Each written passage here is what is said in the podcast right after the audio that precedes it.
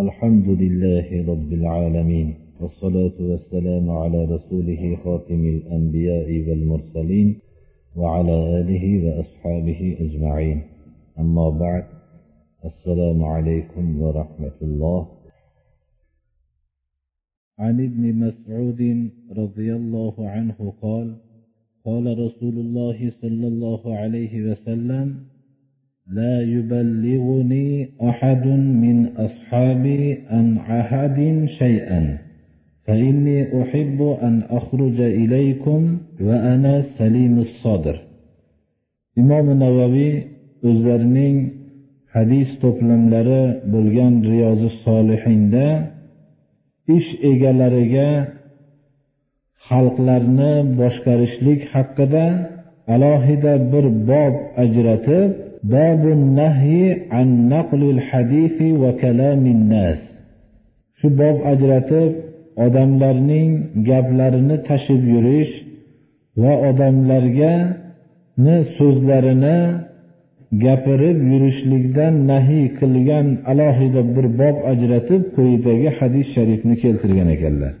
abdulloh ibn masuddan rivoyat qilinadiki bu kishi aytdilarki rasululloh sollallohu alayhi vasallam aytdilar deb hadisda payg'ambarimiz marhamat qilgan ekanlarki biror kishi meni ashoblarimdan ikkinchi bir ashobim haqida ma'qul bo'lmagan biror nomuvofiq so'zlarni menga yetkazmasin.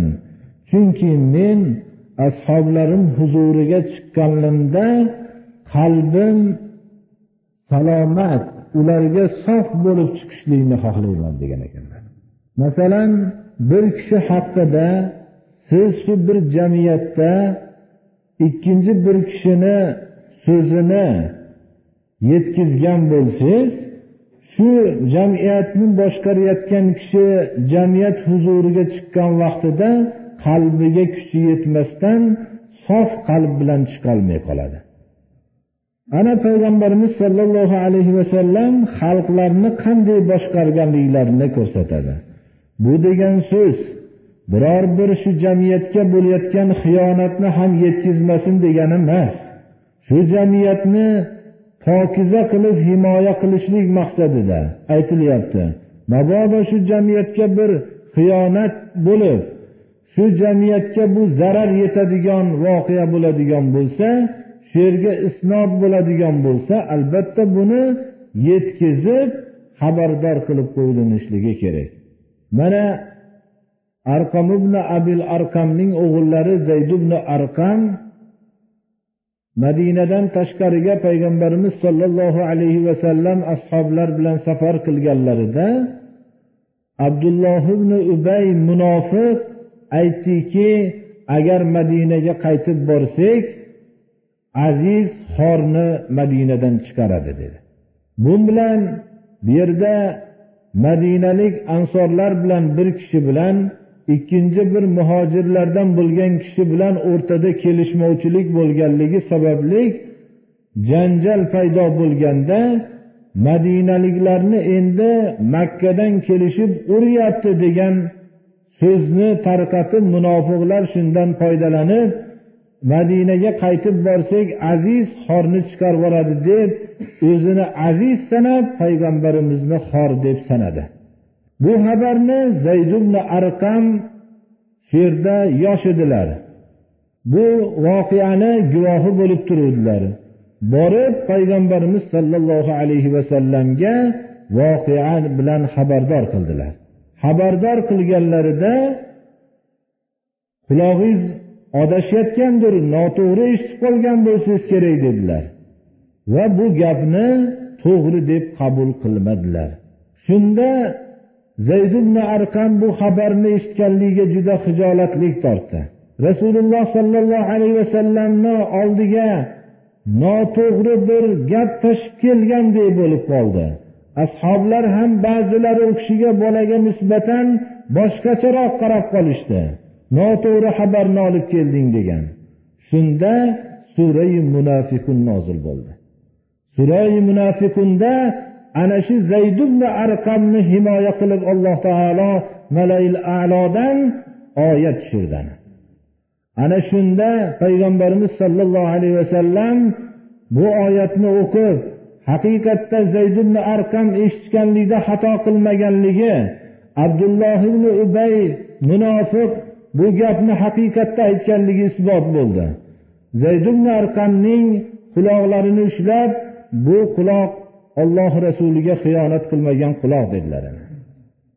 Ana bu biror bir islomiy jamiyatga bir zarar paydo bo'layotgan vaqtda u jamiyatning a'zolari shu vaqtda o'zining o'zi itoat qilib turgan kishilarga bu xabarni yetkazish kerak edi.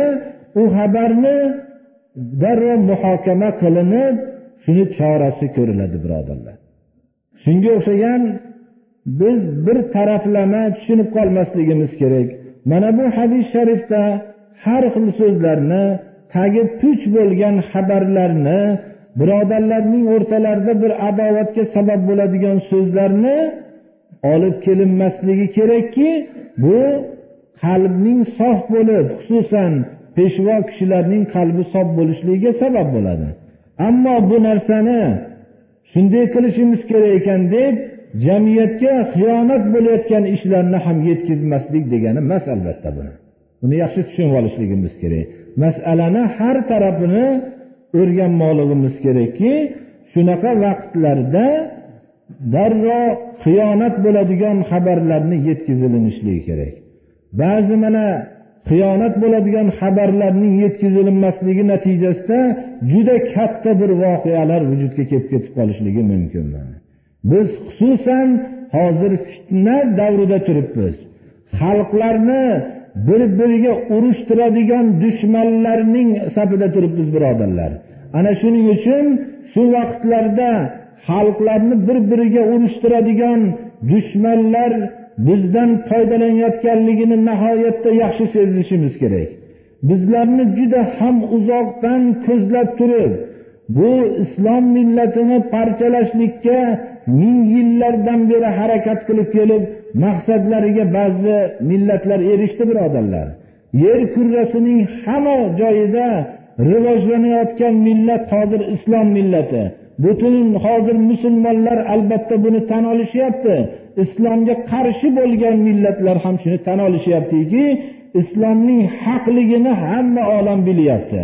Bilib shu narsa ko'p millatlar islomni qabul qilib kirib kelyapti. Shu vaqtda musulmonlar tarafidan bo'layotgan harakatlar nihoyatda bir hushyor bo'linmoqligi kerak. Bu hadis shariflardagi bir odatlar shunaqa narsalarni to'g'ri o'qib ketib qolishligimizgina kifoya qilmaydi.